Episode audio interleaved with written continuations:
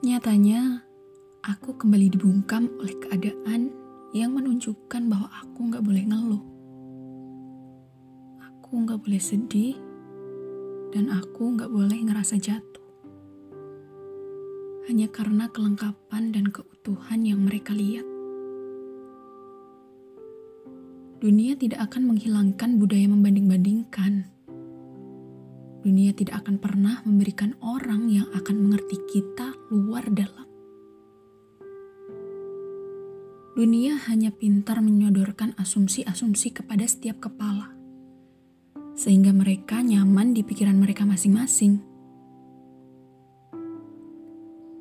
Mata yang hanya mereka gunakan untuk melihat satu sisi, kata hati yang mereka punya pun tidak digunakan dengan baik. Nyatanya mulut ini tidak lihai dalam bercerita tentang apa yang sedang dirasa raga kita hanya bisa selalu dituntut untuk bahagia terus, senyum terus.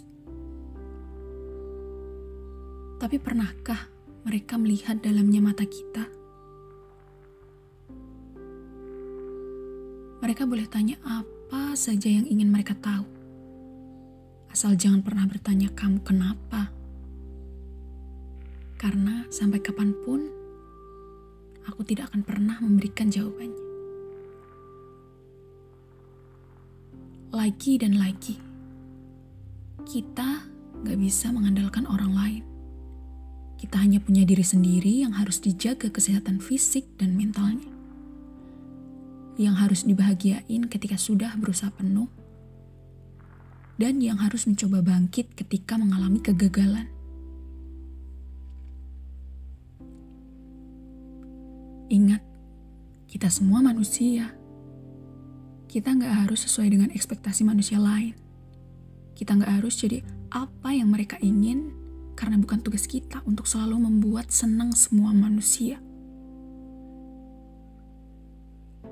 Kita sedang tidak mencari pengakuan. Kita hanya butuh suatu penerimaan bahwa garis takdir setiap manusia itu berbeda, dan setiap kepala itu mempunyai porsi yang berbeda. Kita semua berhak ngeluh. Kita semua berhak capek dan kita semua berhak bernafas. Tidak semua manusia bisa memanusiakan manusia. Be happy, be stronger, and stay healthy.